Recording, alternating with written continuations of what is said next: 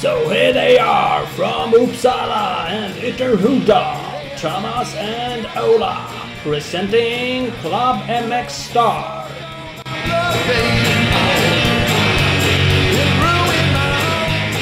Bing, bing, ding, ding! Avsnitt 175 av Klubb MX Star Podcast. Jajamän! Mm? Härligt! Nummer 16 i år. Tjopp, tjopp, tjopp. Jajamän, jajamän. Vi pratar ju lite nummer. 16 envisas jag med att åka i tid och otid. Apropå det, ingenting. Ja, Hej. absolut. Och vi har med en kille i, idag nästan enbart för att det är avsnitt 175. Nej, inte enbart, men, eh, men delvis. Precis. Så det och, och bägge heter Thomas. Det här är ju sånt jävla Oj, partneravsnitt. oj, oj. Det här. Vad har vi för konspirationsteori på det här egentligen? Vad är det som har hänt? Mm.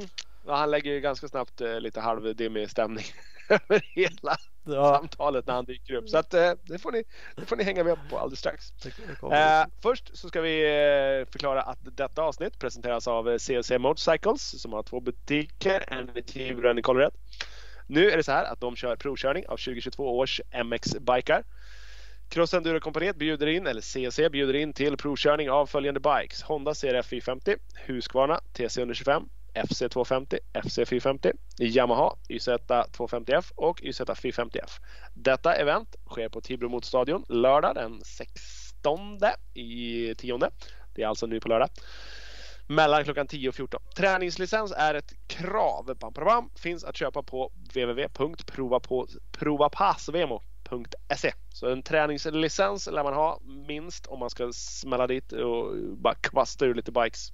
Det borde man absolut göra. Mhm. Och man borde absolut följa CEC Motorcycles på Instagram och Facebook. Mm, som jag gör. Lysande tillfälle att köra massa olika bikes. Svinkul. Mm, bakhjulsklutch på Husky 125 Ja, fy fan.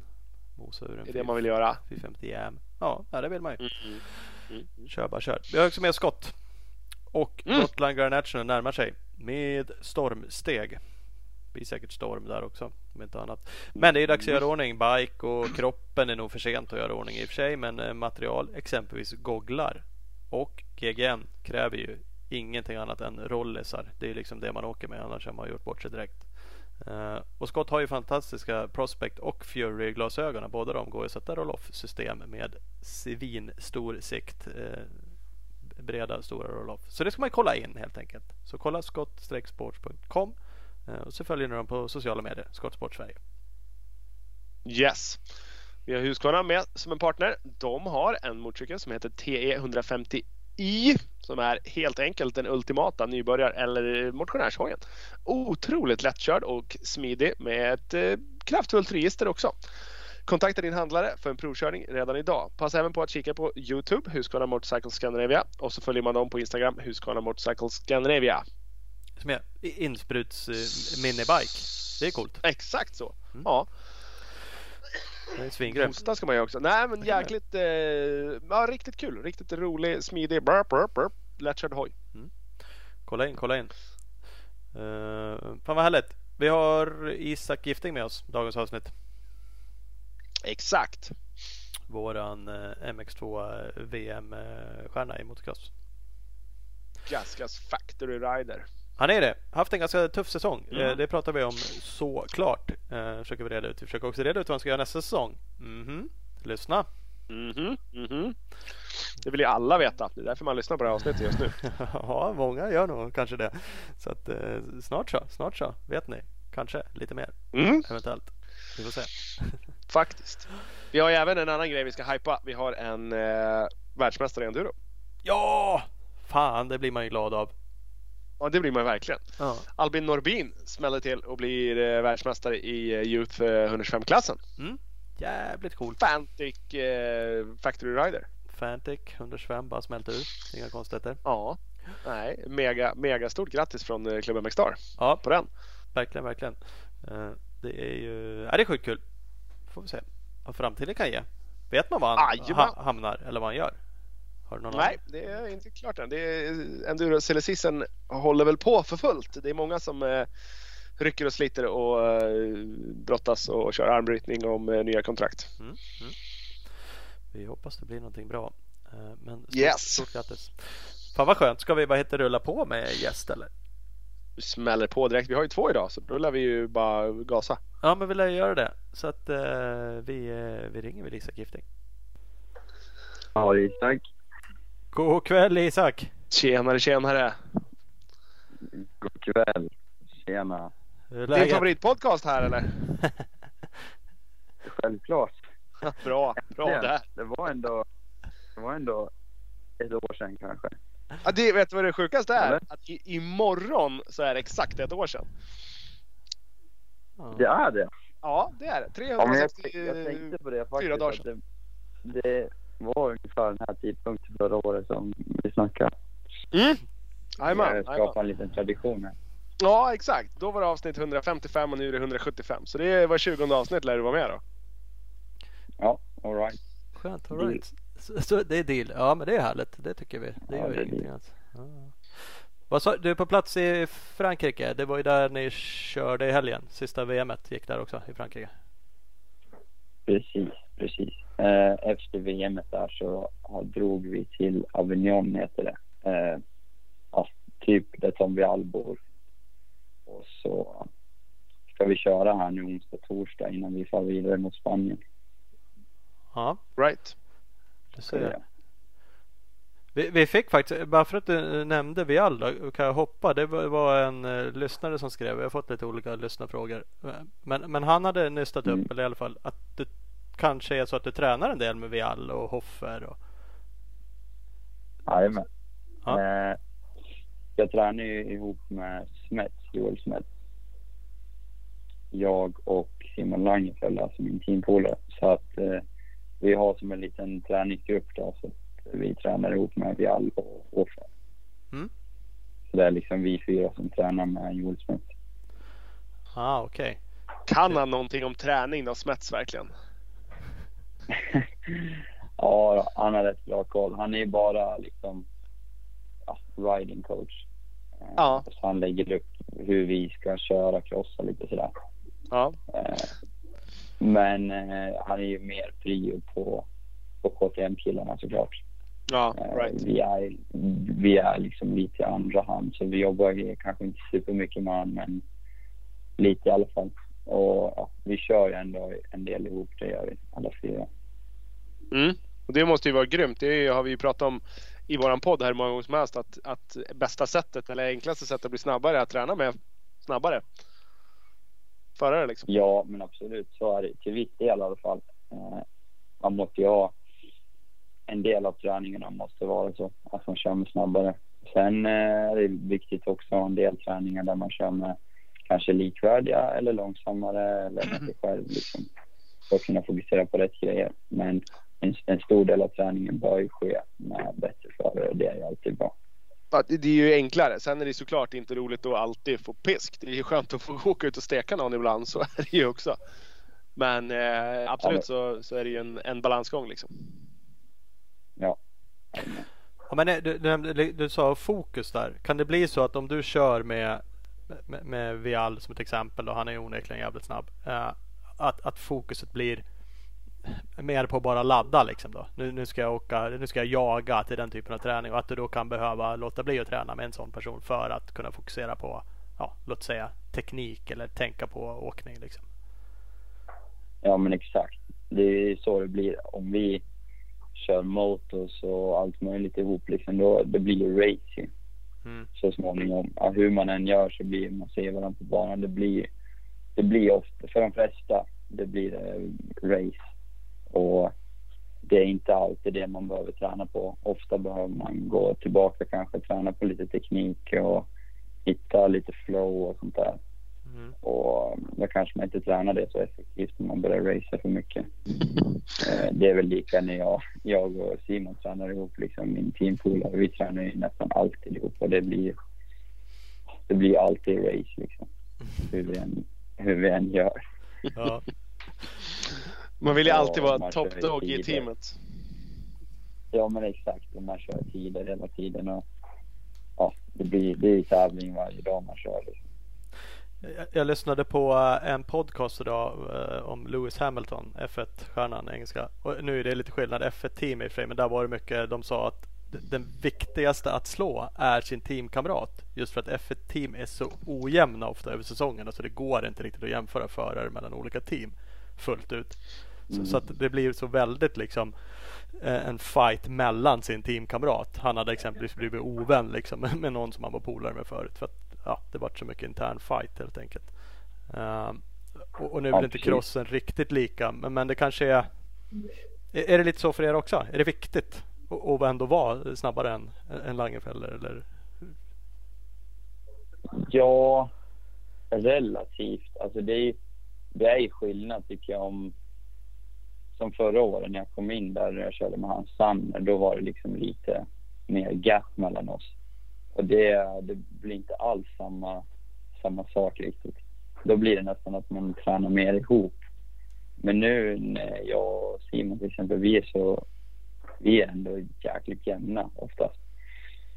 Speciellt på träning och sådär. Då blir det väl lite mer rivalitet kanske, men jag tycker att det, alltså det funkar ju bra ändå. Det är, det är väl lite mer om det där på träningarna med fokuset kanske. Att det blir på lite fel grejer. Men annars så är det väl ingen speciell rivalitet. Så vi är inga ovänner överhuvudtaget. Så att Nej. Det funkar ju bra. Hur mäter du mot Vialla och Hoffer då på träning jämfört med race? Går det att säga så? Det här har vi spekulerat i förut och det är såklart en högst ovetenskapligt att vi tycker att svenska förare är så jävla snabba på träning. Mackan Norlén har vi nämnt. Han tränar väl för övrigt med Smets men var en sån som var blixtsnabb sa alla i alla fall på träningar och sen när det var race så, så hängde han inte med riktigt. Uh, nu, nu, ah, nu, okay. Men uh, om, om du jämför med att racea mot dem. Är, är det ungefär samma avstånd som det kan vara i VM eller uh, hakar du på dem på ett annat sätt på träning eller hur, hur är känslan? Liksom så? Nej, det är oftast mycket jämnare på träning där. Mm. Det, det, är ofta ganska jämnt Eh, det beror ju lite på vad vi kör på för crossbana eller kör på för bana underlag såklart.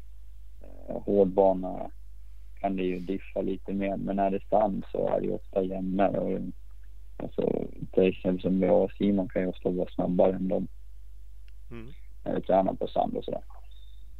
Och eh, ja, det återspeglar sig ju inte riktigt till, till tävlingarna om man säger så. Nej, men sen, för då när det blir tidskval då, då fäller de ner lite hårdare. Eller? Liksom, jag, jag utgår ifrån att ni har spekulerat i varför, men vad, vad har, ni, har ni kommit fram till någonting? Eller? Nej, inte riktigt. Jag, jag någon funderar väl på det. Som är, jag gör så fruktansvärt dåliga tidskval hela tiden. Och jag, jag, ja, det är en liten nöt jag måste knäcka så att säga, för att få till de där tidskvalen och kunna ja, hänga med lite bättre där. Även om man kanske inte behöver vara snabbast där så är jag alltid mycket bättre heaten än vad jag är på tidskval. Så jag måste kunna få ut min kapacitet lite bättre där. Och, eh, jag förstår att du inte har lösningen för då hade du ju rättat till det liksom. Men man... Ja. Tänk, grubb, Tränar ni på det? Tänker du på det? Kör ni mycket typ som träning då nu eller är det ändå det finns en, en plan för träning som redan är satt liksom? Eller, eller, fokuserar man mer på det där nu bara för att hitta någonting? Eller eh, försöker man hitta inställningar som gör att man kan, kan ha kval inställningar på biken eller vad, vad jagar man liksom? Finns det något specifikt? Nej, jag försöker väl träna såklart lite mer åt det hållet men eh, det är ju lite too late nu egentligen. Utan det här är någonting man får lägga om lite fokus till, till nästa år liksom. Mm. Eh, men absolut, eh, träningarna emellan här så försöker jag ju träna. Vi tränar ju på, på tidskval liksom och sprintvarv och sånt där. Och det går generellt sett ganska bra. Det går ju bättre än vad det gör på tävling på de, på de träningarna. Eh, så jag behöver, eh, ja, jag behöver hitta någonting som funkar där som jag kan ta med mig till racen så jag kan få till det lite bättre. Vad fan, det, det, det, där är ju asfrustrerande. Jag förstår att det är eh, mer frustrerande för dig än för mig. Men man kan ju bli, sitta hemma och tycka att vad fan liksom. Det, det måste ju lossna. Det måste ju finnas något. Och så kan man återigen göra analysen. Så här är det alltid. Massa svenskar har haft de här problemen. Liksom. Det, det är såklart inget svenskt mm. fenomen. Men, men, det är så man känner som, som fan. Uh, men, men är man nervös liksom? Låser man sig för mycket? Eller nu är jag ju där igen att du har ju såklart inte lösning för då hade du gjort det. Men vad fasiken skiljer sig från träning till race? Är det förberedelser? Är det bara atmosfären eller, eller vet man helt enkelt inte? Eh, just nu vet jag inte riktigt. Jag är ju generellt sett eh, ganska onervös och sådär på tävling. Jag, jag skiter ofta i det. Eh, men det är någonting som gör att eh, det blir liksom inte riktigt bra. Eh, det var ju någon gång jag hade ett bra kval i Lettland där. Då var jag fyra på kvalet. Ja. Och jag vet liksom inte vad jag gjorde bättre då. Nej. Det bara, Ja. det bara satt. Det liksom känns, ja, men det känns ungefär lika då som det gör när jag blir 18 på tidskvalet. ja. I stort sett. Det är klart att då när jag är 18 på tidskvalet känns det klart inte som att jag satt något perfekt varv. Men känns ju som jag satt ett bättre varv än så i alla fall. Ja. Eh, så det är tråkigt när man ser pitboarden då alltid bara, jaha. Det vart inte så bra Och så- gången heller. Alltså ladda som fan, knappt gjort några misstag och så bara okej, 18, ja just det. Mm. vad gör vi nu, vad ja, gör vi nu då? ja. Ja, det är sjukt hopplöst. Men det är ju så också. Sen är det så sjukt tajt har det blivit i år. Ja. I tiderna. Det diffar ju inte mycket. Alltså, jag vet inte vad det skiljer nu i helgen, men det var ju någonting på två sekunder till ettan. Och då var jag 18 där liksom. Ja. Det, är, det är tajt. Det är mycket tiondelar. Man kan, man kan göra någonting och plocka en sekund som man brukar kunna göra om man tränar lite tidskval Mm. på en träning till exempel så förbättrar man ju tiderna liksom. Kan man få ut det och plocka en sekund varje gång mot vad man brukar köra på så är man ju topp 10 liksom. Ja. Ungefär. Ungefär. Eller bättre också kanske. Men det, Så det är, inte, det är inte mycket som saknas utan det är ju lite details. Mm, jo men det är det. Har, har ni ofta folk ute på banan om man säger som kollar kanske då jämför med de som ofta är snabba om, om man säger olika linjer. Jag, jag blir ju vara sämre och sämre på det såklart men, men avgöra liksom är ytter eller inner snabbast är på olika delar av banan. Eh, och, och, och, det där känner du såklart bättre än mig. Eller, eller tvekar man någon gång ibland? Och kan det vara så att man har folk ute som sagt som säger att du fan vi all kör in det där. Du har nog en halvsek där. Ja, men det kan vara ganska ofta som man tvekar på linjen liksom. liksom och jag tycker vi har haft lite dåligt med folk som har varit ute på banan. Det är sällan. Det har varit lite dålig feedback på det Mm. faktiskt. Eh, Det, där finns det också förbättring. Ja, för, för gör man två, ja en kurva, två kurvor som helt enkelt inte är den snabbaste. Vad fan, där har du ju, det är ju lite tid. Då skiljer det bara två sek upp till den snabbaste liksom. Ja, då, är, då finns det ju lite att hämta på, på, på sådana grejer såklart. Som allt annat. Ja, ja absolut. absolut. Mm. Mm. Vet du, hörs det mycket i bakgrunden hur de skrattar? grejer? Ja, men lite när de garvar sådär så. Åh, shit. Det är tyskarna. Ja, se åt dem att knipa igen bara. För ett jävla Men eh, Ja, det var precis när de röjde som mest där en stund. Då hörs det en del. Men...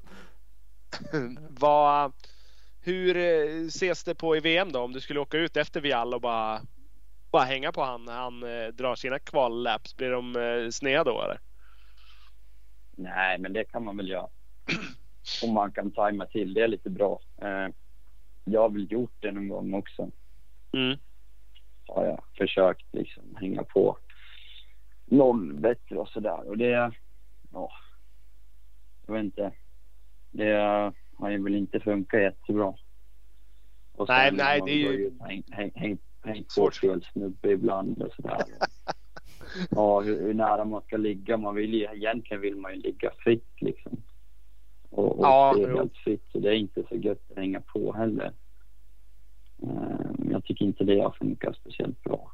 Nej. Utan det, det känns mer som att man vill ha ett fritt varv liksom, så man kan ladda själv Fälla ner det. ändå. Mm. Mm.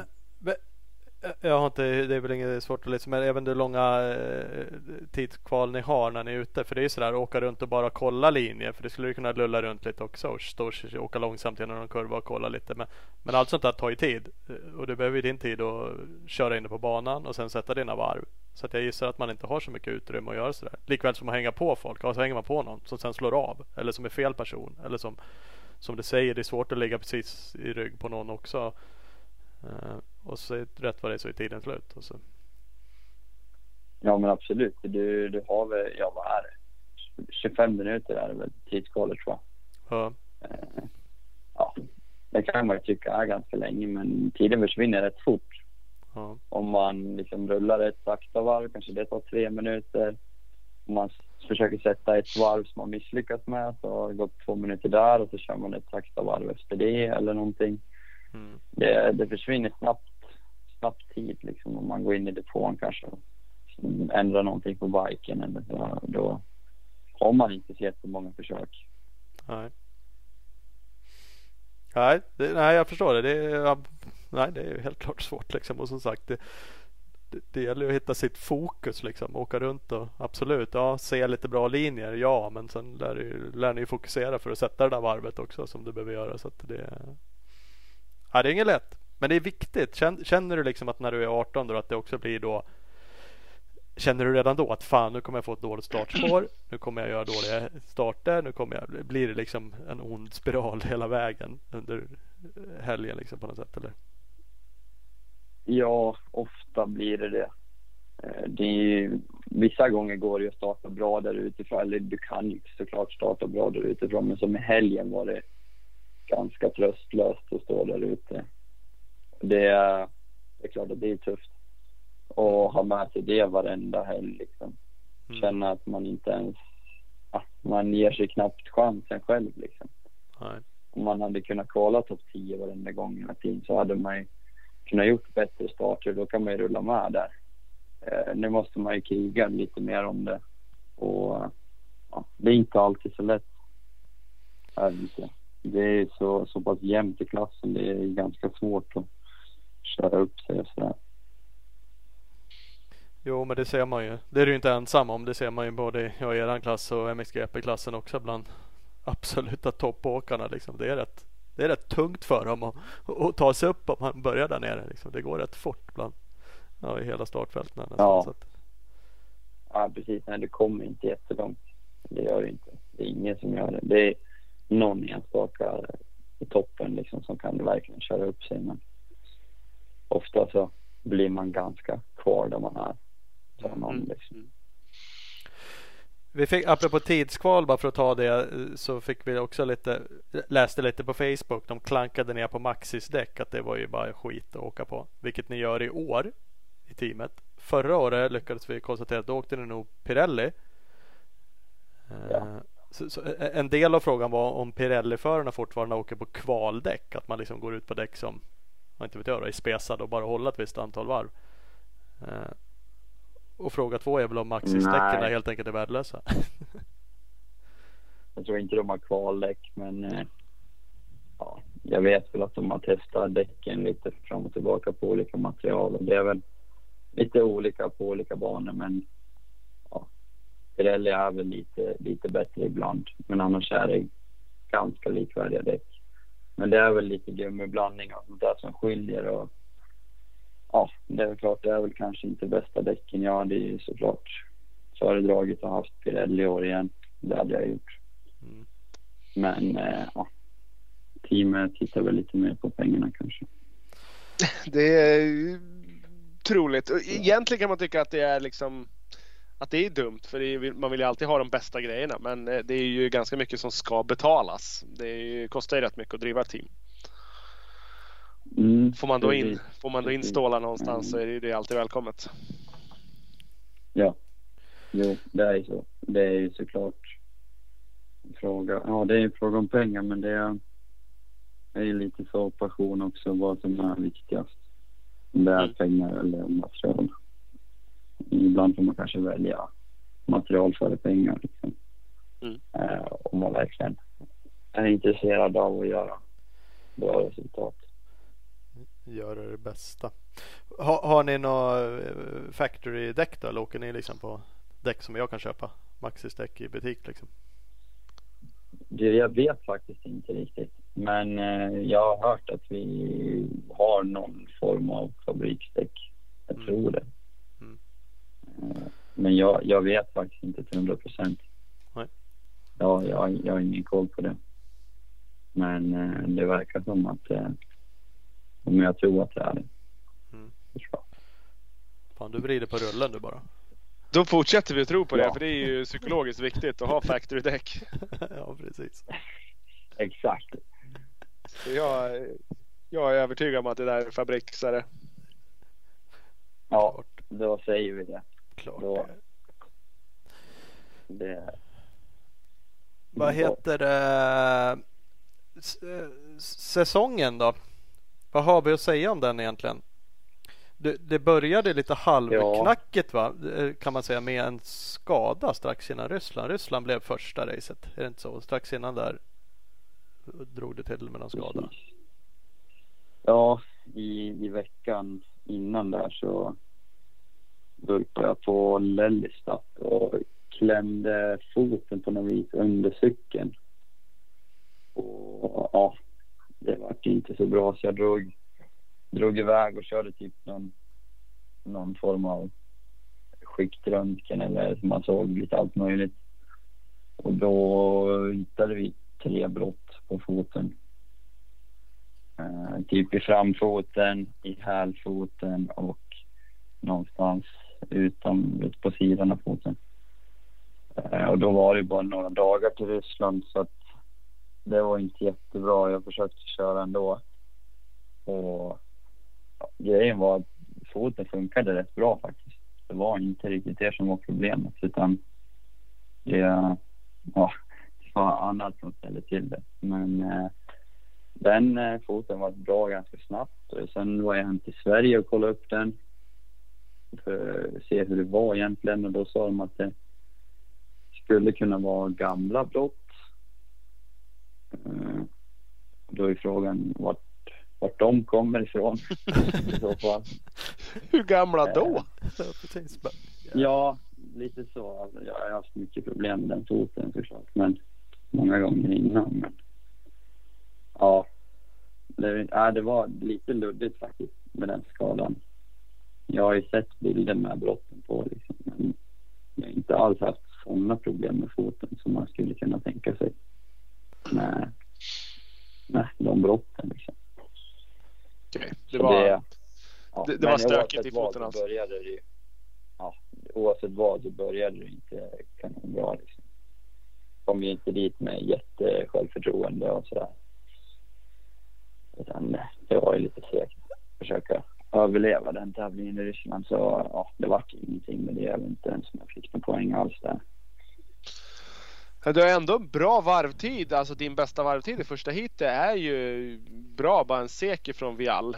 Så du åkte ju bra bevisligen. I Ryssland? Ja. Okej. Inte vad du minns själv. Ja. Jävla skit. Nej, jag, jag har ingen aning. Men vad var det som, du lät lite hemlighetsfull så du kanske inte vill säga men vad var det som strulade om det inte var foten då? Dålig vodka har jag Nej. läst det om nyligen att de hade druckit där ryssarna.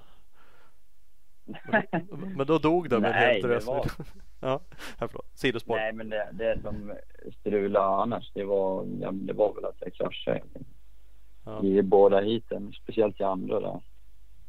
Gjorde jag en jäkla vurpa i målloppet. Just det, du Mm, gjorde i mm. målhoppet. Det var det ju fler som gjorde. Hur jävla sketchy var det där jävla hoppet egentligen? Ja, alltså. Ja, det var inte så sketchy förrän man vurpade. Det var, Då blev det det. var bra fram till det. Nej, men det var sjukt hårt. Banan var sjukt hård och i uppgången där fanns det liksom inga spår, ingenting och så vattnade de gärna lite på det. Så det var ju väldigt hårt. Helt enkelt när jag kom där så bara släppte båda hjulen i kicken så jag liksom la mig i kicken och sen flög över hoppet typ. Blev du påhoppad då? Nu kommer jag ihåg. Precis, det var då du fick en Ja. bike i nacken också. Ja, exakt. det fick jag. Men det är inte bra. Ja, där, där hade du lite tur. Den touchade ju typ bara hjälmen. Du skulle ju kunna fått en mer i ryggen om du hade haft mer otur. Ja, verkligen. Alltså det, det var inte bra. Jag vet inte riktigt vad jag tänkte, men jag bara ställde mig upp jättefort på hoppet. Jag såg att det var några bikes, typ en eller två, som rullade förbi mig på sidan. Ja. Så jag tänkte väl att det var gul flagg då. Ja. För jag såg att de rull- rullade förbi mig, så då ställde jag mig upp. Men eh, då var det inte gul flagg och då var det en kille som hoppade. Ja. Eh, så han träffade mig på huvudet liksom. Jag touchade egentligen. Då, ja. Då vaknade man till lite grann. Vad i helvete hände nu? Ja, shit. Men det, ja, det gick jättebra ändå. Det är liksom inget, inga skador efter det. Lite, lite det är sjukt. skavanker såklart. Ja, ja, det förstår jag. Det är sjukt jävla släpp du får i uppfarten. Det ser ut som en sån jävla megascrub. Det är bara att du är typ halvvägs upp i uppfarten. ja, det är helt sjukt. Det otroligt oväntat. Ja, det Liksom bara ser ut så. bara, bo, bo, båda hjulen bara Ja. helt släpper. Eh, fattar ingenting vad som hände. Ingenting. Men sen såg jag MX1 hände det också ett par gånger tror jag, lite tester. Ja, det var flera. Kairoli var ju där och vinglade runt. Ja. Ja, precis. Alltså det var lite lurigt. Det ser nästan ut som Beaton kraschar för att du kraschar. Han blir så jävla skitnödig när din bike bara far i backen. ja, jag vet faktiskt inte. Jag har inte frågat. Nej. Ja, knepigt. Faktiskt. Men ja, det släpper ju lite på något vis för hand där också. Mm, mm. Ja, du ser. Ja, ja, ja. Men, men du känner inte av den där fotskadan eller någon annan skada alls? Är du 100% fit for fight? Liksom? Ja, det är foten är inte superbra, men den är, det är ingenting som stör körningen skulle jag säga. Nej. Utan, nej, jag... Ja, ja. Och du kan träna som vanligt. Nu cyklar ju du mycket så det sliter. Det, det kanske är en anledning. Nu tycker du nog det är kul också som det känns. Men du, kanske inte springer så mycket med den där foten. Då. Nej, precis. Springning funkar inte jättebra. Jag kan löpa lite grann ibland beroende på hur, hur bra foten och lite knän och sånt där är. Men jag cyklar mest. Det, jag tycker det är, det är roligast och sen sliter det minst. Och, ja, det, ja, det funkar helt enkelt inte att löpa så mycket. Nej. Det blir så när man gillar fötterna och blir knäna lite kass och sånt där. Och det är ing, inget jättebra komplement tycker jag. Nej, så kan det ju vara. Men säsongen i övrigt då? Om vi bara lyfter den i stort. Du har ju två sjätteplatser från Sardinien. Eh, tror jag det var va? Sandrace. Mm. Jävligt sandigt. Det, det är ju ändå bra. Får man då säga. Hela den tävlingen var ju bra eftersom det var två, två bra hit liksom. Annars har det varit lite ups and downs får man väl påstå. Ja, verkligen. Nej, det har inte gått ens i närheten av vad jag hade tänkt mig. Nej. Eh, Jag hade ju en helt annan tanke av vad den här säsongen skulle vara i och med hur det gick förra året. Mm. Precis, jag tror det satt Eh. många hemma i stugorna och bara yes efter slutet på förra säsongen när det smällde till med lite riktigt bra hit, någon pallplatser och så. Och sen nu till i år så tänkte nog folk att nu jävlar och det antar jag att du också tänkte. Ja, jag tänkte så. Eh, Men eh, ja, det har liksom inte... Ja, men hela vintern och försäsongen det har inte klickat så som jag har velat. Så jag kände lite på mig också inför säsongen att det, är- det kändes inte riktigt så bra som jag ville att det skulle kännas. Och det har ju, det har ju visat sig på tävlingarna såklart. Mm. Det Mm. har inte blivit mycket resultat alls. Det har ju varit någon gång i, ja, typ i oss där var väl ganska bra och sen Riola var jag femma totalt. Och sen lag-VM var ganska bra också. Då var jag trea totalt. MX2. Mm. Men sen, eh, ja, utöver det har det varit ganska kämpigt. Har det varit. Va, vad beror det på? Eh, tidskval har vi pratat lite om. Det, det, känns som att du har uttryckt lite också frustration över liksom cykel kanske. Inte fått till inställningar. Är det sådana bitar som också spelar in? Nu nämnde du själv liksom försäsong och sånt där. Kan du mm. peka på någonting som inte känns bra liksom? Eller, eller är det svårt att veta vad det är som är? Jo, men jag har battlat lite med inställningen på cykeln. Det har jag gjort. Eh, även bytt ram för inte så länge sedan igen. Eh, inte varit nöjd med det. Eh, det hela började egentligen ganska fel när jag kom från min off-season förra året och började köra i våras så började jag på en helt ny cykel i stort sett. Med annan ram och styrkronor och ja, länkage och fjärring, allt möjligt egentligen.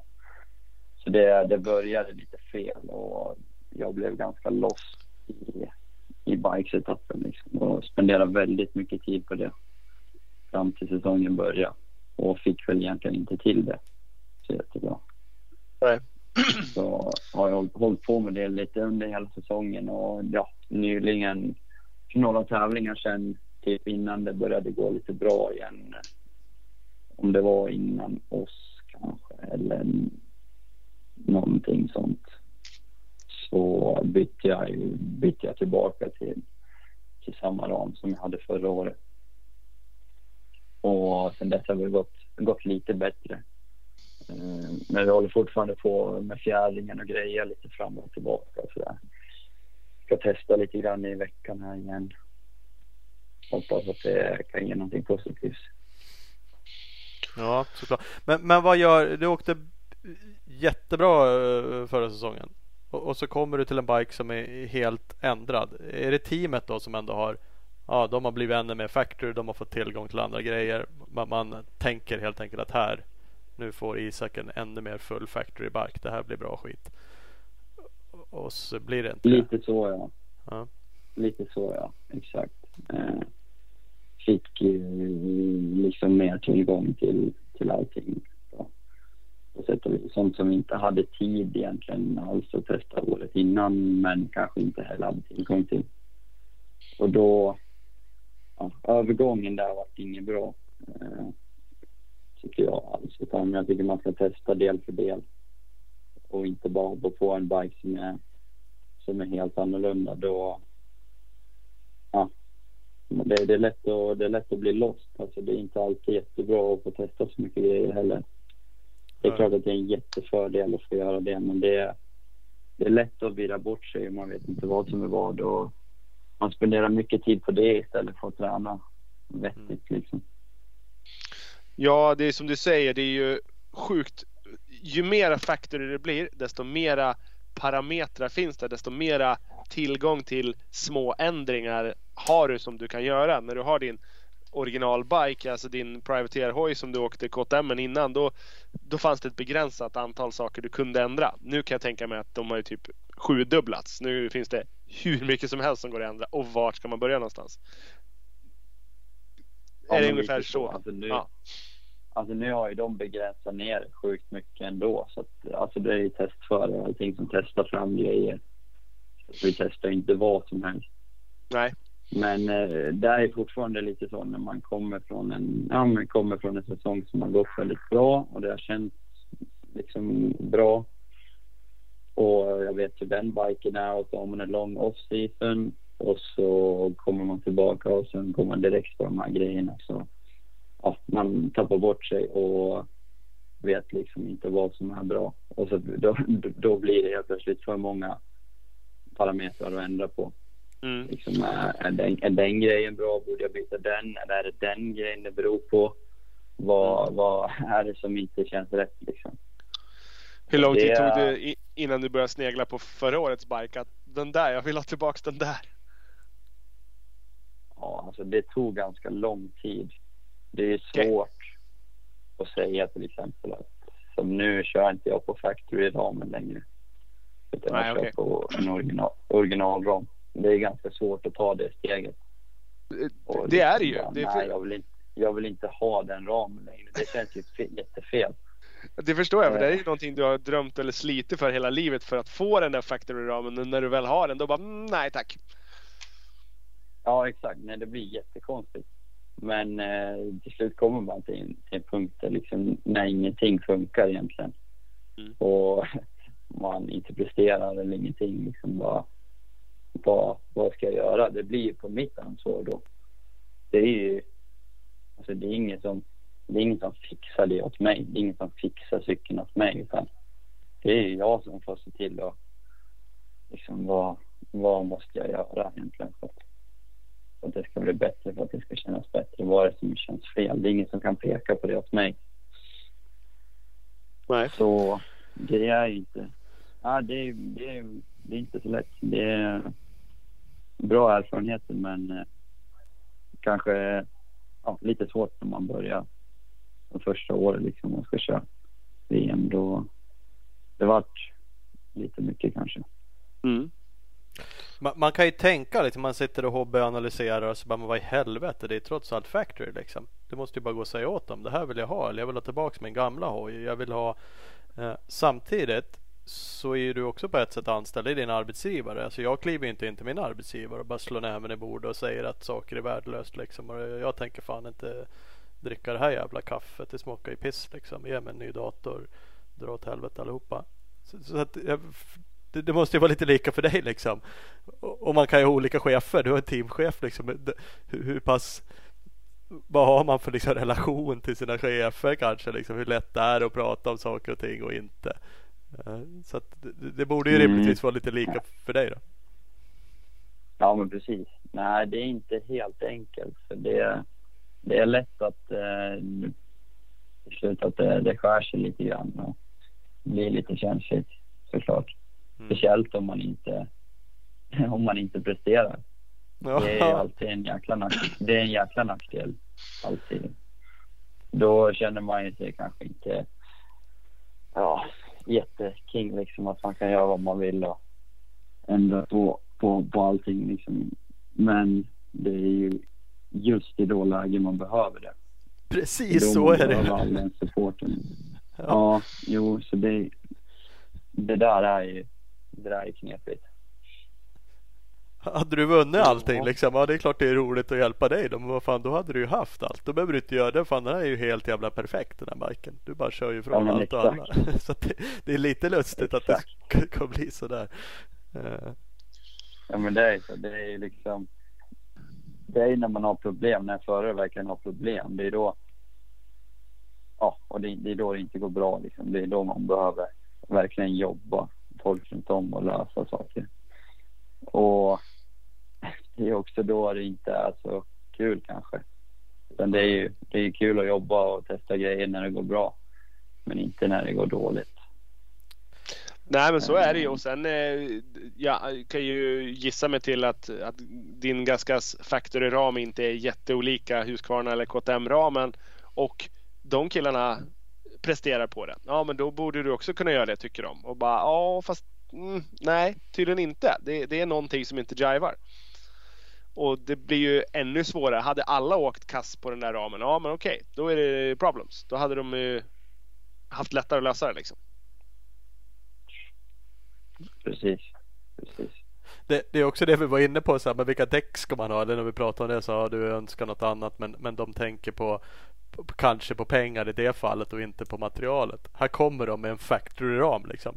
Nu vet jag inte exakt hur det funkar men det skulle kunna vara så att det är faktiskt något de har satsat på. De är asglada att de har tjatat på fabriken för att få fram några sådana här. Sätter på din bike. Det är inte aslätt att bara heller då komma och bara mm, Fast den här är ju kass liksom. Den här har ni lagt tid och pengar på men jag vill inte ha den.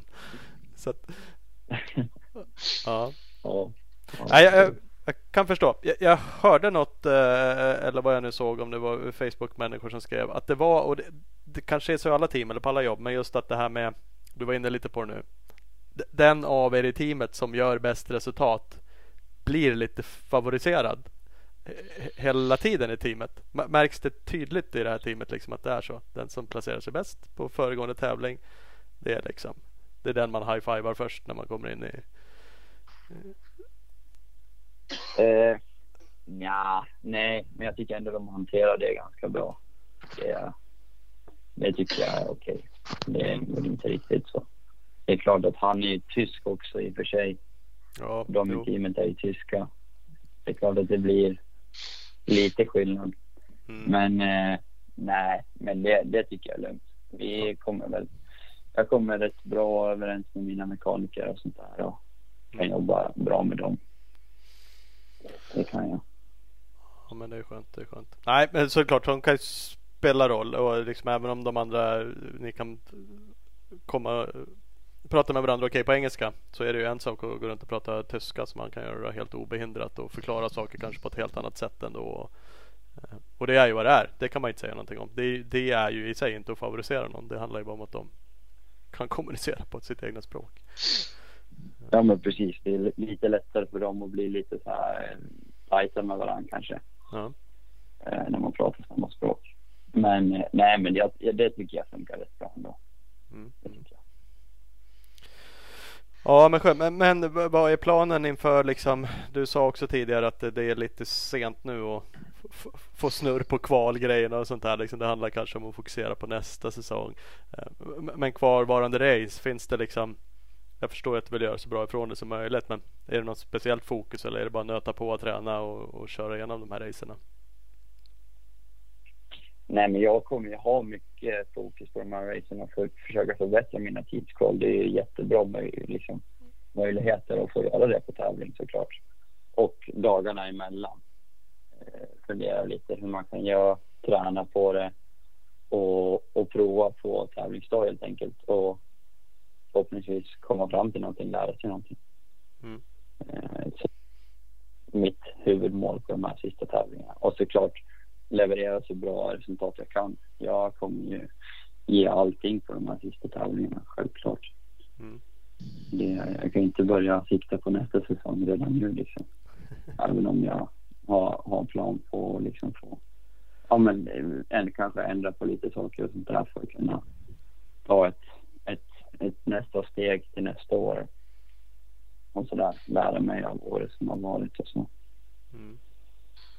Ja, det, man får ju alltid liksom försöka hitta det silver lining, någonting som är bra med det. Att nu har du ju, nu har du lagt mycket tid på att testa, ja, och det är ju tråkigt för det här året, men det kanske är jättenyttigt för nästa år att du har lärt dig eh, grejer så liksom.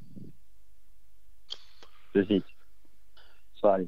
All, allting man gör, även om det kanske inte går super nu, så lär man sig ju utav det såklart. Det är ju jäkla erfarenheter man får. Man får ändå. Jag tror absolut jag kan ha nytta av det framåt. Mm, mm. Ja men det är det. Vi, vi har ju fått in ett gäng lyssnarfrågor vi la ut på, på Instagram och Facebook. Och det är alltid roligt. Så det, det tackar Ja. vi våra lyssnare för. Det är kul. Kan du gissa vilken fråga de flesta har ställt? Ja, det kan jag.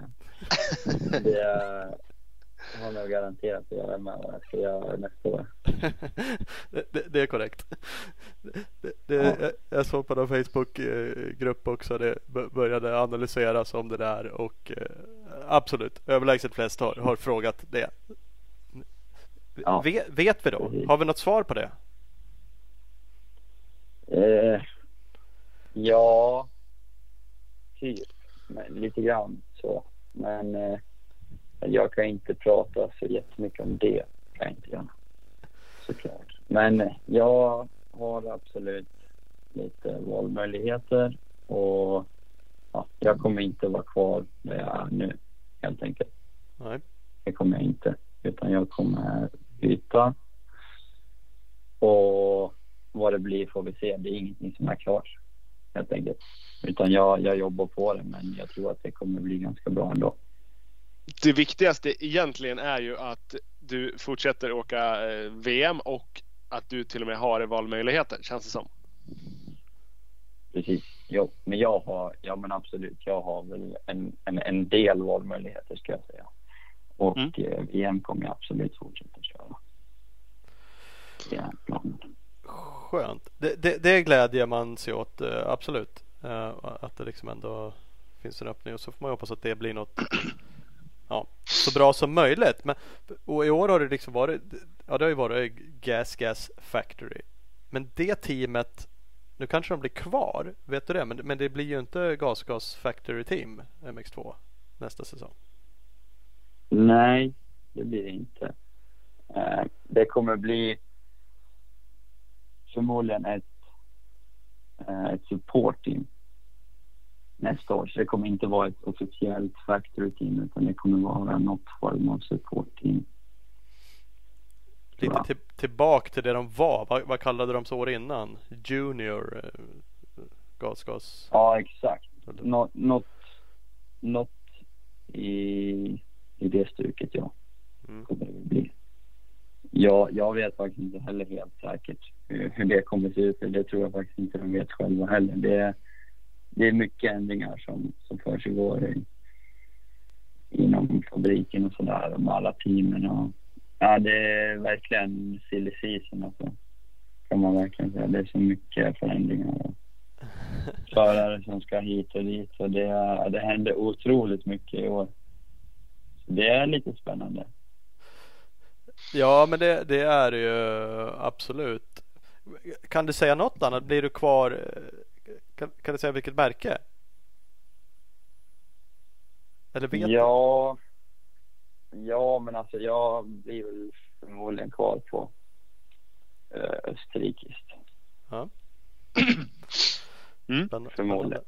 Förmodligen. Ja, ja men det, det, det är bra. Förhoppningsvis. Även om du då inte har fått ut fullt ut av den biken i år. Eftersom det har varit så. Måste det ändå finnas något. Förhoppningsvis något bekvämt att kunna fortsätta på, på det, det man har. För att kunna bygga vidare på någonting. Eh.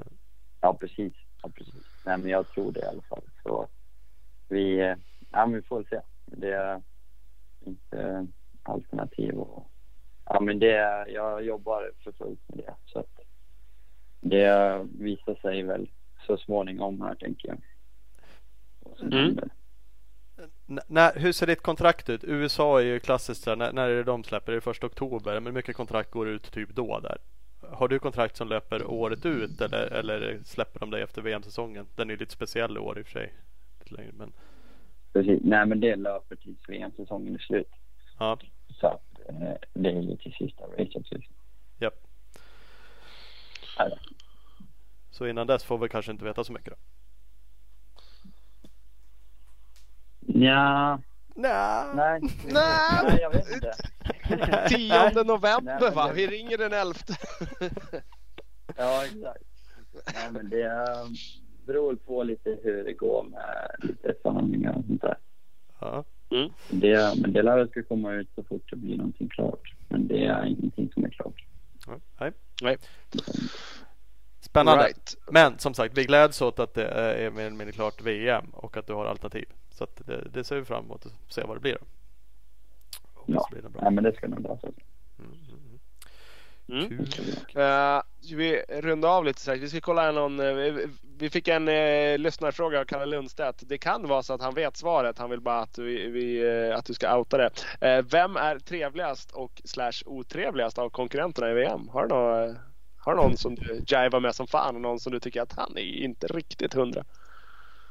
Ah, okej. Eh, otrevligast, alltså som person då? Ja, typ. Det var... Ja... Det, det känns ju sådär att säga det. Men, jag, är inte säker att det är nej, någon som... man kan ju tänka... Nej, det är klart det är ingen som lyssnar på det kanske från dem. Men eh, man kan ju tänka, jag och Ruben Fernandes har ju fightats rätt duktigt. Eller Ja. fightats, helt enkelt kört, kört ner varandra i lite om, omgångar. Eh, vi är väl inte skitbra polare kanske. Nej, det är ingen, ingen du high-fivar i depån.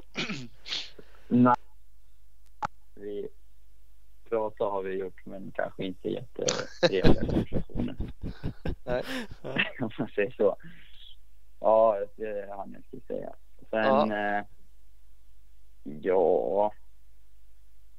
Förutom, ja, förutom Alvin då som svensk som är ute så såklart Michael Sander faktiskt.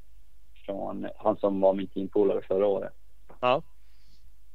Vi kom väldigt bra överens. Vi är bra polare.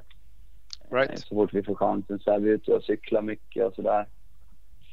Eh, Tyvärr så ja, bor vi inte på samma ställe såklart just nu. Så det Nej. blir inte jätteofta. Men, nej, men vi är bra polare. Ja. Mm. Helt klart. Right. Ja, du ser. Men eh, nej, annars har vi väl eh, touchat av det mesta. Hur många timmar på crossen får du ihop på ett år? Har du eh, pejl på det? Vet du hur många timmar du åker? Du, det har jag ingen aning om. Eller det har jag väl visst i och för sig. Det skulle jag, jag hade ju kunnat kolla i min träningsdagbok. Men jag vet faktiskt inte nu på rak arm. Ingen aning. Men det går att räkna ihop. Eh. Bara det är ju fint. Ja, det borde ju gå. Eller det går ju Ja. ganska lätt att räkna ihop. Det hade jag säkert kunnat kolla. Det- är väldigt många som är intresserade av det. Jag är inte jätteteknisk. Nej. Ja, det, den, den frågan dyker alltid upp. Jag, jag, varken jag eller Ola är exakt lika intresserade av den. Men många andra ställer den. Eh, så att eh, Okej. du, du får ta reda på den till nätet. Ta reda på den kan vi skriva ut det. Du får meddela oss efteråt. Kan vi... Ja, eller Ja, vi, jag- eh, vi har ju en eh, Klubben McStar-grupp på Facebook där man eh, kan bli medlem. Så kan du, vi lägger ut om det här avsnittet så kan du väl svara på lite frågor där om det är någon som undrar något mer. Ja, men det kan jag väl göra. Ja, absolut. Ja. men jag kan försöka kolla lite på det. Åtminstone Mm. när säsongen börjar till slut. Annars får jag kolla lite på det de timmarna som har gått det här året. Mm. Eh, Ja, men det, det är ingenting jag har kollat på någon gång förut. Det är ingenting som intresserar mig överhuvudtaget. faktiskt. Nej, nej men det är, Helt, det är som helt sagt jäkligt många som undrar. En följdfråga som jag ställer och den är ju mycket Ja. bättre än den andra. Det här är jag intresserad av. Den- Den kanske du kan svara Ja. på utan att veta exakt. Åker du mycket mer hoj nu när du har möjlighet liksom i ett factory team än vad du gjorde ja, som privatförare som ett exempel? Nej. Jag tror inte det. Nej. Faktiskt. Det är inte så att du känner att shit nu har jag... perioder men... Nej men det är inte så att vi kör svin mycket cykel, det gör vi inte. Nej. Jag hade faktiskt önskat i vissa perioder att köra lite mer bike. Eh, det är ja, till exempel en grej som jag kanske ändrar lite på till nästa år. Kör lite mer hoj och sådär. Mm. Framförallt under vintern. Eh, tog ett ganska långt off-season break i vintras där jag inte körde egentligen någonting. Och ja, det var väl i efterhand kanske inte, inte det bästa beslutet. Jag måste hitta någon bättre solution på det. Mm. Va, du fick inte ta hem någon, eh, någon factory bike och slå på lite dubbdäck och dra 13 dagars rundan eller något sånt alltså? Nej, man får ju inte ta hem några factory-grejer överhuvudtaget egentligen.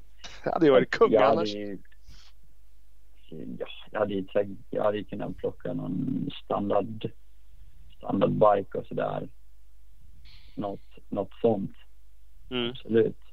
Men eh, det var inget som jag, som jag gjorde i vintras. Nej. Gjorde jag, gjorde jag inte. Men, är det så även om, låt säga i veckan styr teamet delvis hur mycket du vill träna? Måste du ha med dig någon mekaniker eller så? Du kan inte åka och lyfta ut en bike själv och dra och träna om du vill utan det bygger på att teamet vill vara iväg eller? Ja, ja, ja absolut. Det, jag ju alltid näck med mig. Mm. Och så. Utan jag har aldrig varit iväg och kört hoj själv. Liksom. I stort sett. Det är så fall om jag har kört, haft någon hoj hemma liksom. Men Mm. Mm. någon standardbike jag har väl haft lite mer på, på slutet. Men inget jag inte. Men, men, Nej, men då, då skulle det kunna bli en begränsning. Du sa fan jag vill dra iväg på en onsdag och köra här. Fan kan vi sticka?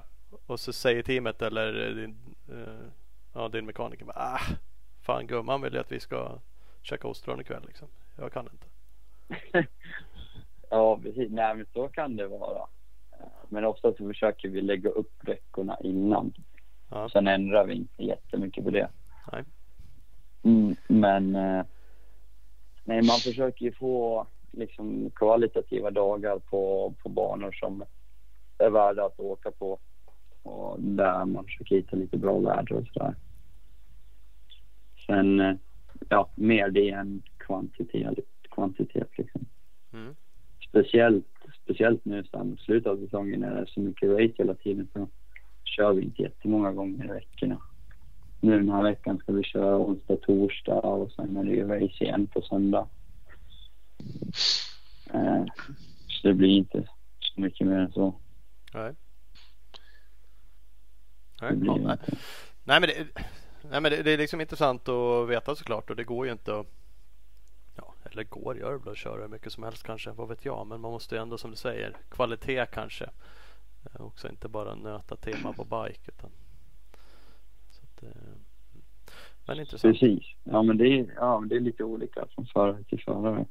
Mm. Eh, och nu känner jag att jag har provat lite olika och ja, kan fundera lite över det, vad som är kanske bäst för mig egentligen. Jag tror att generellt sett har jag kanske kört lite mer motorcykel förr än vad jag gör nu. Mm. Och det har väl sina för och sina nackdelar kanske.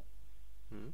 Det är klart att varje, varje gång du är på biken är alltid en risk också eh, skademässigt. Ju mer timmar du lägger på biken är ju alltid mer risk också. Med att hålla sig skadefri hela säsongen.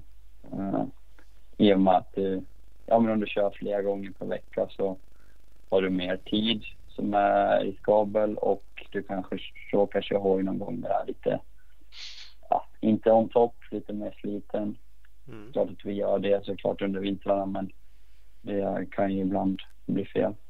Ja. Man får vara ganska vaksam på det. Så man inte kör hoj på fel dagar och sånt där. Ja, ja, men såklart liksom. Det, det, det går ju knappast att åka runt och vara orolig och, och skada sig i den här sporten. Men, men du har ju helt rätt i att det är klart man kanske ska lyssna på när man ska köra och köra när det är mer kvalitet än att bara nöta på. Det kanske är lite onödigt. Men det är intressant som sagt. Ja, exakt. Framförallt, ja precis. Men man får ju överväga vad man får ut mest utav. Om, om det är att bara nöta runt på biken eller om det är att göra det man gör är kvalitativt.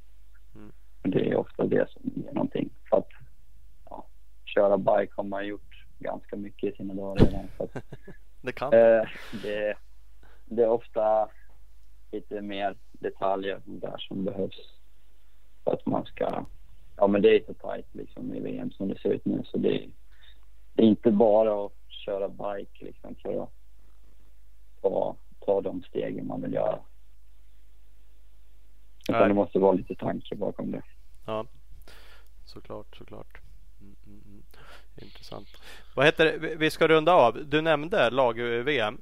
Nu var det lite oflytt där att Mm. eh, Alvin gick ju på skroten på startträningen typ. Så ni var ju torsk en Ja, gubbe. just det. Precis. Eh, Mm.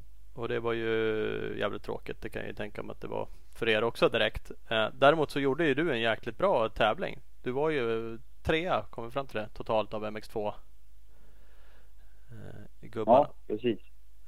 Det är ju fan skapligt. Det måste du ju vara, ändå vara jävligt nöjd med.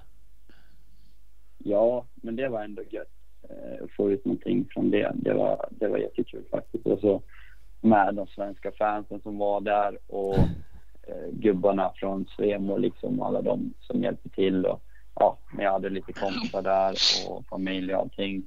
Det var skitkul allting. Mm.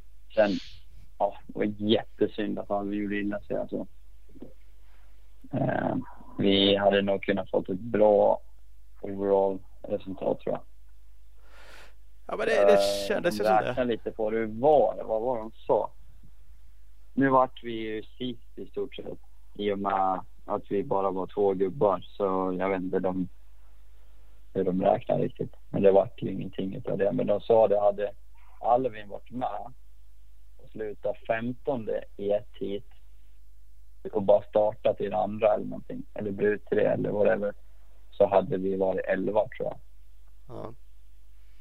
Eller om det var, eller om det var bättre. Nej, det var bättre. Ah, det var topp 10 någonting och hade han liksom gjort så att var det 10 eller 15 eller något så hade vi varit typ topp 6 Ja. totalt. Jo men det hade är. ju lätt gjort så det var ju synd. Ja det var ju skittråkigt för som sagt det, det såg ju på, på pappret lovande ut liksom och, och sådana här saker. Så att det, det var ju Tyckte väl alla var trist. Alven och alla andra såklart. Men det är ju vad det är. Men, mm. så är det. Han slog i huvudet eh, eh, ganska illa ändå tror jag. Mm. Han har inte varit med på något VM sedan dess. Jag har pratat lite grann med. Inte mycket men haft lite kontakt med honom i alla fall. Mm. Och det är, ju- det är ju rätt beslut till 100 procent. Det är ingen som ska köra när man har slagit i huvudet. Det är, eh, jag är den sista att säga. Jag tycker det är jätteviktigt att man tar sig tid med det och tar allvarligt på det. För det kan ju bli riktigt illa faktiskt. Jo, det är ju så. Så att det- det är ju såklart ett klokt beslut och att han inte kör nu heller, även om det är skittråkigt. Så att, men, mm, mm. Eh, bara snabbt räknat, hade han varit 23 i ett hit och eh, bara bryter andra hitet så hade ni blivit sexa. Då hade ni spöat Belgien. Ja. Ja. Så att eh, det var ju, nej, grymt. Ja, Riktigt bra. vi hade ju säkert, säkert kunnat varit va- så hade ju säkert kunnat vara topp fem då nästan. Ja, där någonstans. Mm. Mm. Mm. Hade vi kunnat varit. Det hade ju Om- varit Om, fantastiskt om Men, eh, inte. Ja, precis. Ja, men det hade ju varit asgrymt. Exakt, om inte. Om inte. Så får man inte tänka. Men eh, Nej, Ja, men man, det man det får Men, göra efteranalyser och tänka lite så. Det, det tycker jag faktiskt. För att det, det ligger, vad sa du, 23 Det är ju dessutom Ja, han hade ju varit bättre än så. Så det är ju inte på något sätt att man gör en analys Ja, att om Albin hade vunnit två hit så hade ni. Utan det är ju högst realistiskt. Mm. Det, ja. ja men verkligen. Han hade ju lätt varit tia, kanske bättre också någonting i heaten. Det, det tror jag säkerligen. Det hade ju kunnat det hade, det hade slutat riktigt bra. Det blir fler år. Det blir fler år. Vi får sikta på Red Bull nästa år. Precis. Jajamän, jajamän. Bra där, bra där. Det, Ja, det är coolt. Men härligt, härligt. Då har du några race kvar på säsongen så får du ju stort lycka till på dem. Eh, Och så ser vi fram emot att få lite mer info om nästa år framöver. Mm. Jajamän. Ja. Kul att prata med er grabbar. Ja, detsamma, mycket. detsamma. Ha det så bra då så hörs vi igen. Mm. Ha det gott. Hörs vi. Ja. Hej. Hej, hej. Tja! Isak Gifting. Jajamän. Härligt. Eh, det är kul att höra att det är grejer på gång i, fortsatt i VM. Absolut, absolut. Vad fick du för vibes nu då? Var han lika härlig, harmonisk? Ja, men hyfsat. Kanske lite mer som jag minns det förra gången. Då var det så jävla mysigt. Men jag måste säga att han ändå var, var skapligt harmonisk för att ha en ganska crappy säsong. Eh, Ja, men lite tungt har det ju gått. Det går inte att sticka under stol med. Så är det ju. Nej, men det gjorde han ju inte själv heller så att det behöver inte vi känna dåligt samvete att vi säger. Det är ju klart han Nej. önsk- önskade jävligt mycket mer än vad som har blivit. Eh, Men, eh, nej, men det kändes väl ändå som att det fanns hopp. Och eftersom han då uttrycker sig att det finns grejer till nästa säsong så måste ju det vara skönt för honom. Liksom. Även om det inte har gått som han vill så finns det liksom ja, en framtid att jobba på. Ja, absolut. Sen är det inte säkert att han gick inte in på vad det var. Det är inte säkert att någon kastar factory grejer på honom eh, ändå. Men det är ju eh, många som har haft en styrning och sen försvunnit helt. Fått eh, åkt hem och åkt SM igen. Så att, eh, huvudsaken är att han blir kvar i VM och kan fortsätta jobba på det. Han är ju bara 20 år. Så att det finns ju tid kvar. Jo, men det gör ju det. Och som sagt då, det pratade vi också lite om. Onekligen så är ju inte Factory bara värst i alla lägen heller. Så att det kanske inte gör någonting. Ett bra eh, team som inte är Factory kan ju... Kan vara minst lika bra. Så det hoppas vi på. Jajamän! Hörru, vi har några partners vi ska tacka. Verkligen. Det ska vi göra. Vi har ju HG Stickers som är Mm. bland de bästa dekalerna på marknaden. GGN närmar sig. Då har de eh, släppt startnumren. Så vet man vad man ska ha för startnummer då kan man passa på att beställa färdigtryckta nummerplåtar från HG Stickers. Det är ju hur steket som helst. HGstickers.com smäller man in på det här och så följer man dem också på Instagram under HG Stickers. Det ska man göra. Jag med. Jag är ju annars en sån där som står på banan och eh, ritar med en dålig spritpenna. Och eh, blir förbannad på mig själv att jag gör det.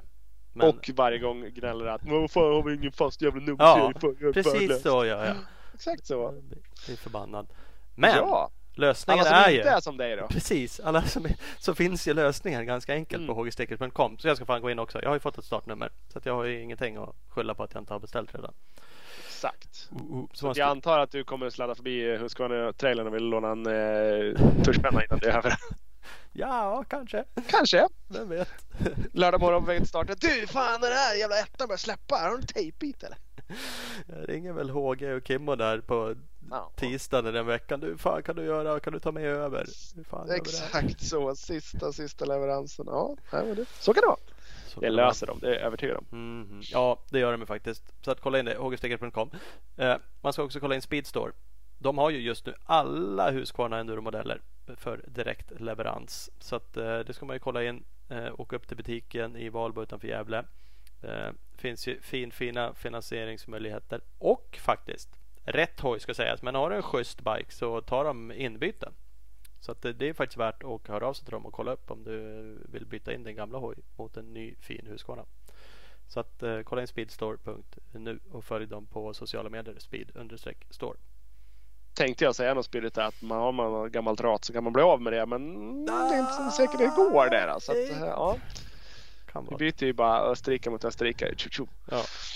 Så kan det vara. Uh, Speed Equipment har vi också som partner. partner din Honda KTM Suzuki-handlare i Vänersborg. Så uh, de har ju exakt allt i stort sett som du söker till din bike. Det kan de hjälpa dig med. Då går, antingen så ringer man till butiken eller så går man in på www.speedequipment.se eller så sladdar man förbi om man är i närheten. Helt enkelt, Vänersborg. Det ska man göra. Snyggt. Mm. Eh, hörde vi har en gäst till i dagens avsnitt. Jaha, Inte vilken vi- gäst som helst. det är ju avsnitt nummer 175 och han har väl hållit på att tjata i ungefär 100 avsnitt att snart, snart är det min tur, då måste jag vara med. Ja, är det det inte hans riktigt. favoritnummer? Det är hans, eh, hans favoritnummer. Vi får fråga varför. Ja, det får vi göra. Han är ju också teamchef, Team Triple One. Exakt. Ditt, ditt gamla eller ditt, ditt Ja. fortfarande? Han är, han är teamchef för Team Triple One helt enkelt. Är det så det? Ja, det, det, Ja, räcker, så är det. det räcker så. Ja, ja, kan det. Mm, mm, mm. Thomas Fagerlind heter han. Vi eh, ringer och kollar läget. Ja, det är Thomas. Ja, men tjenare! Hallå då! Tjenare grabbar, tjenare. Thomas och Thomas. Det- Fint namn. Ja. Fint namn. nice. Ja, döpt efter årets mörkaste dag. Är det så? Ja, 21 december namnsdag vet du. Måste varit en hemsk förlossning. Ja, Typiskt. kanske är så. Det har du inte tänkt på Thomas? Nej, fan vad dystert det blev nu. Jag trott att det var något, något bra, liksom, Ja. positivt. Här. Ska jag, jag går på muggen, jag kan ni diskutera andra positiva saker. Ja, precis. Ja, absolut. Och Ja namn. jävlar. Jag förväntar mig faktiskt när klockan är 22.46 och du har suttit och sugit i dig monster halva kvällen att du skulle vara med och speeda den. eh, vad du gav intresse. Mm, ja, men jag har dragit ut på dem. Uh, tog in, en, tog in en, en eh, fin blandning från garaget med olika smaker. Så, jag har suttit vid datorn nu och väntat sedan sju. Och så det har blivit... väntat. Ja men det är bra. Det är bra. Ordning och reda. Det gillar vi. Vi kom fram till att eh, vi, vi var Isak Giftings favoritpodcast. Och hur ligger vi på din lista? Eh, ja, men där ligger ni ju etta såklart. Ah, Eh, det, det är väl kanske också för att det är den enda podden jag lyssnar på. Men hade det funnits fler så hade jag bara lyssnat på den ändå. Nej, skitlätt ju. Såklart. Nu har vi kämpat oss upp till avsnitt 175 här bara för att kunna ringa dig. Ja. ja, precis. Nej, jag har inte väntat sedan klockan 19. Jag väntar i flera år. Ja, precis. Ja, jo, jag, jag sa det. Typ sen avsnitt 100 så har han börjat. Nå, 175 snart. Mm. Ja. Ja. Det är ett Ja, jävla... men vi lovade ju faktiskt för något avsnitt sen att ehm, om Triple One vann teammästerskapet så skulle du få vara med. Men vi ska egentligen kanske börja i, i, i rätt ända. Ska vi börja med Mm. snabbfrågorna som vi inte har kört än? Eftersom Isak var med för ett år sedan och då gjorde vi dem med han. Så att, eh, snabbfrågor presenterade av bigballsmx.com. GasGas 2020 trillar in i butiken. För omgående leverans finns två Smoker Enduro-maskiner, E EC250, EC300. Finansiering finns som alltid. Kontakta Big Balls MX redan idag. De snabbfrågorna. Mm, mm. Vet du vad man ska göra där också? De söker ambassadörer nu. Oh, Det ska folk kolla in på deras verkligen. sociala medier. Facebook och Instagram finns det där hur man kontaktar dem. Det är sånt som är Lattjo. Jävla kul att vara ambassadör till Big Balls MX. Ja, Det faktiskt. garantera. Det finns rätt många sämre firmor man skulle kunna vara ambassadör åt. Ja, men det gör det ju garanterat. De drar ner till Italien snart, till Dorno. hade man säkert fått åka med på det. Åka. Ja, det är inga konstigheter. Kolla in det. Eh, men eh, vad hade vi? Ska du köra snabbfrågorna då? Nej, blås av dem det. Jag skriver jag, antecknar här Ja. som en eh, liten kontorissa. då fullständigt namn. Eh, Thomas Björn Fredrik Fagerlind. Du fick två. Gustav heter ju då jag om vi ska fortsätta på namn här. Det är okej. Mm, Det är godkänt. Ja. Ålder? Eh, ja, eh, 37. Det är ingen- Lite darr där på manschetten. Lät inte helt Mm. nöjd med det. Några år kvar till VRM. Ja, det är det. Ingen plus 40 på Gotland det där eller? Ehm, Nej. Bor? Eh, ja, utanför Enköping. Eh, mitt ute på en åker. Det är inte fel. Eh, uppväxt? Eh, Bålsta, eh, några mil närmare Stockholm från Enköping sett. Kid. Lite större åker. Eh, Mm. Familjen består av? Eh, sambo, eh, Emily och sen har jag två egna grabbar på 15 och 9 och en bonusdotter på 15. Lätt fullt upp. Och plus en Mm. barn. Eh, dold talang? Ja, just det. Den har jag liksom suttit och försökt förbereda mig på. Den borde jag listat ut. Försök, försök lära dig jonglera bara för att ha. Ja, nej, men det enda jag kan tänka mig det är väl att jag är lite så här halvhändig på att eh, mixa drinkar. Du ser. Liksom hobby, hobbybartender. Har du fått in monster i någon drink då? För, Ehm, förutom nej, monster inte- och dunksprit? Ja, precis. Jag är inte mer avancerat än att jag bara testar med vodka liksom. Nej, nej, nej. Men det funkar. Det funkar. Ja, där har du något. Det borde du ju få till det med olika smaker och någon riktig special. Ja, jag tänker att jag får väl börja mixa nu så jag kan eh, ha till nästa SM-bankett nästa år. Mm. Då har jag gott, gott om tid. Ja, det har gått en till. Ja, det är Korrekt. Eh, Idol. Uh, Idol. Ja, alltså jag tänker nog dra till med Kurt Caselli. Mm. Bra val. Tyckte han var fruktansvärt häftig. Mm, mm, Faktiskt. helt klart. Eh, favorit eh, musikartist eh, eller grupp? Ehm, ja, alltså i grund och botten är man en sån här gammal eh, Metallica-fan. Eh, men de börjar ju bli lite övertid på dem. Så att fast eh, det- för tillfället så är det väl lite mer eh, Avenged Sevenfold, eh, Slipknot som Ola också gillar. Lite kastrullocksmusik som min sambo kallar det. Det finns ju folk som skulle claima att Stones är deras favoritband så att så länge de håller igång så har ju Metallica sjukt många år kvar. Ja, det är sant. För övrigt så är Guns N' Roses bättre än Metallica om vi ska ta den fighten. Men det kan vi ta någon annan gång. Det tar vi Den, den fighten vet jag inte ens om, om du vill starta.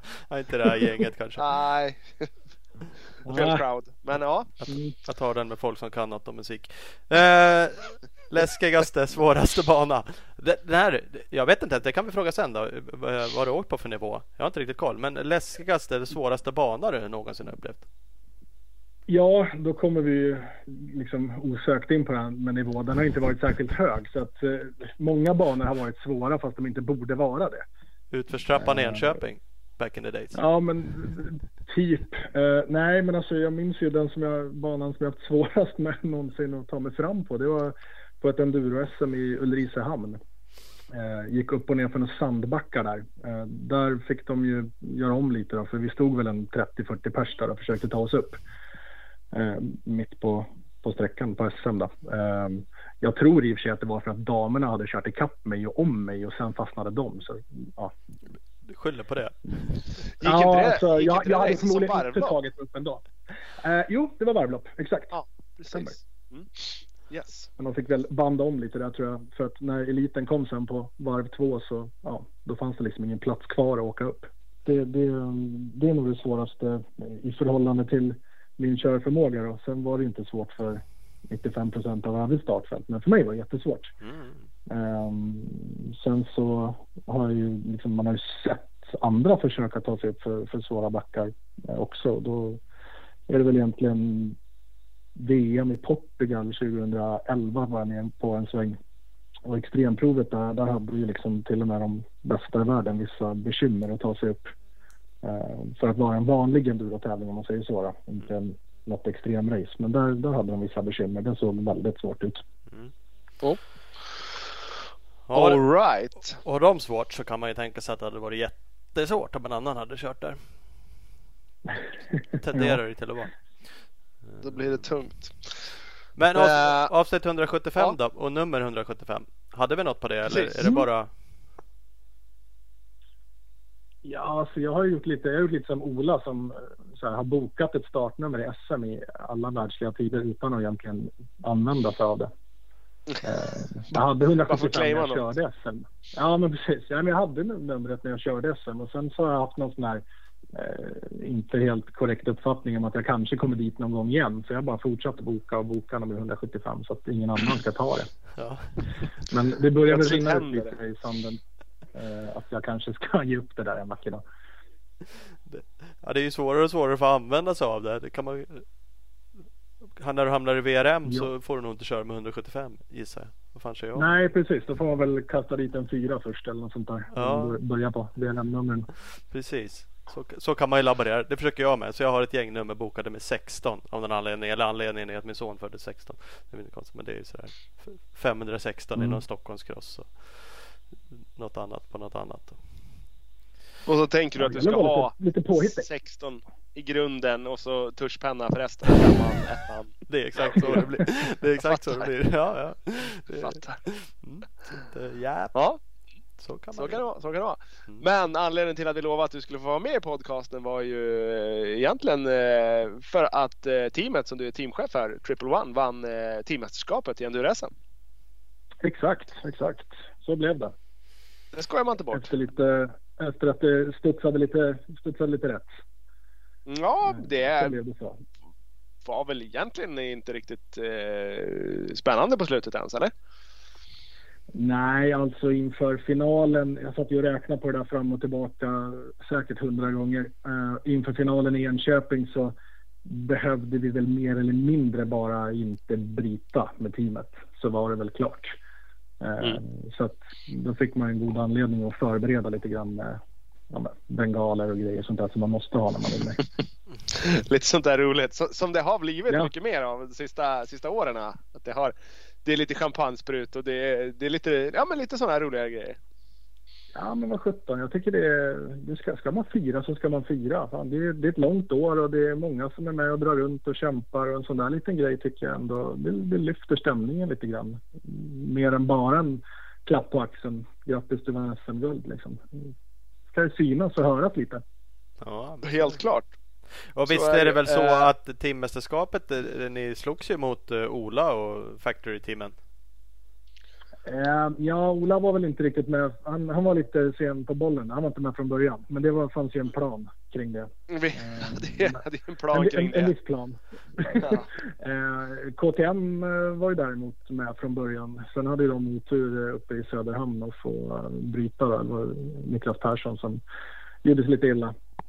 Eh, sen efter det var det väl inte... Alltså, vi, vi höll oss på andra och tredje platser lite sådär. Och, det, det räckte ju till.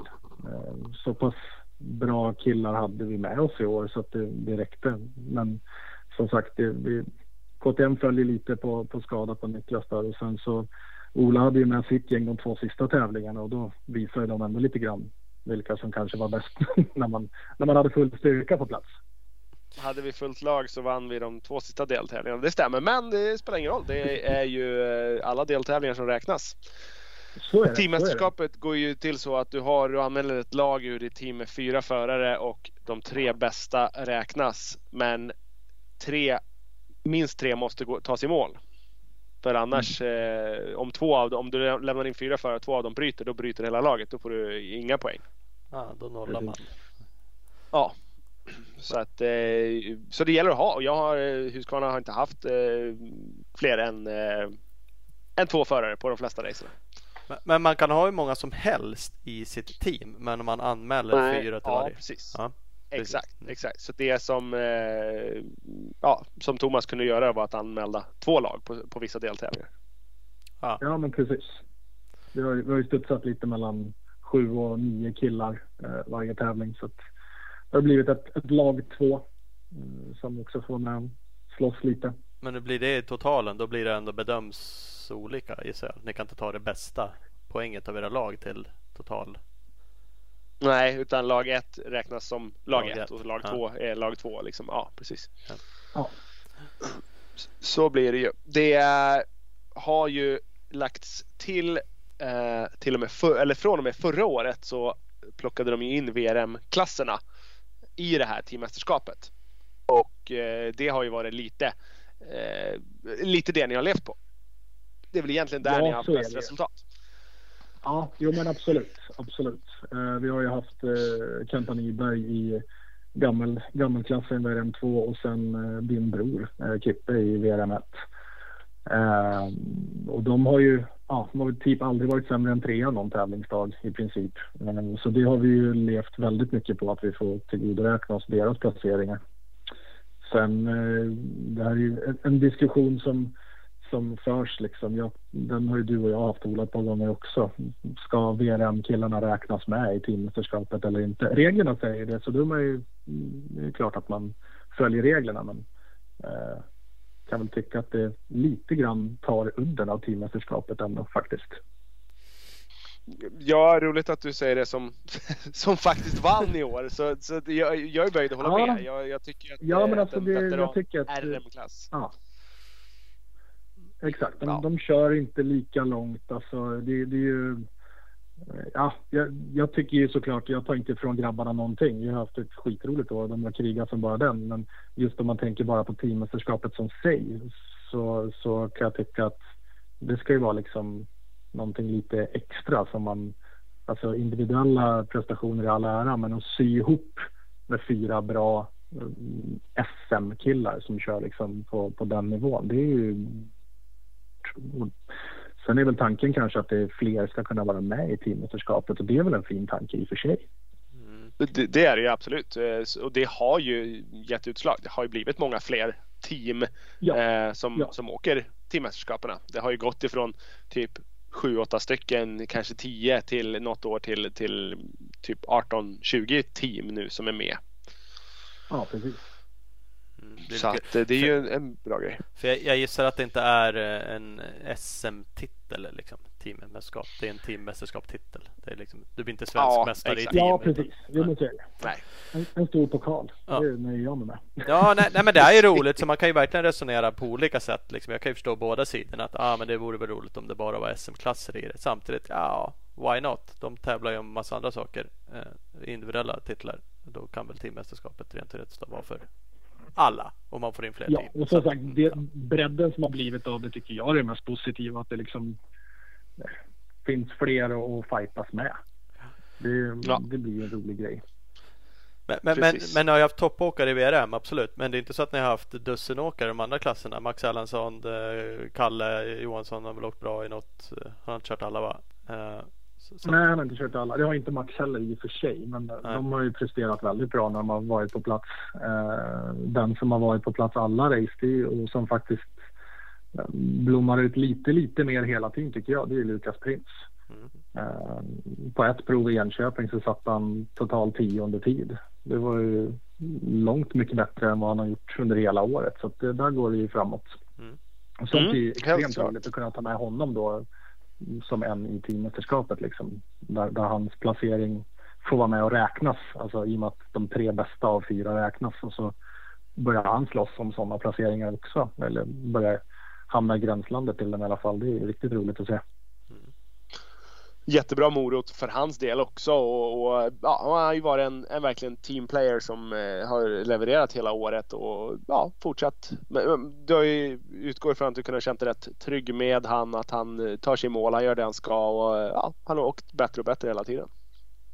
Ja, men han har verkligen visat, eh, precis som du säger, som en teamplayer också. För att eh, första dagen i Söderhamn, då hade han ju en, en framgaffel som totalt packade ihop. Eller om det var bakstötdämparen, det minns jag dåligt. Men fjädringen slutade funka efter nästan ja, första varvet bara. Eh, och han var inte på sitt bästa humör, det är synd att säga. Men han sa det, "Ja, men jag, jag ska ta mig i mål. Liksom. Det är fortfarande teammästerskap. Eh, för jag menar, det hade räckt om, om Kalle eller, eller någon av de andra bröt och han redan hade kastat in handduken. Då hade vi nollat. Då hade vi inte vunnit något teammästerskap. Nej. Nej. Eh, nej, han, har- han har varit att lita på hela året. Mm. Nej, men det, som veterangubben också. Så att, ja.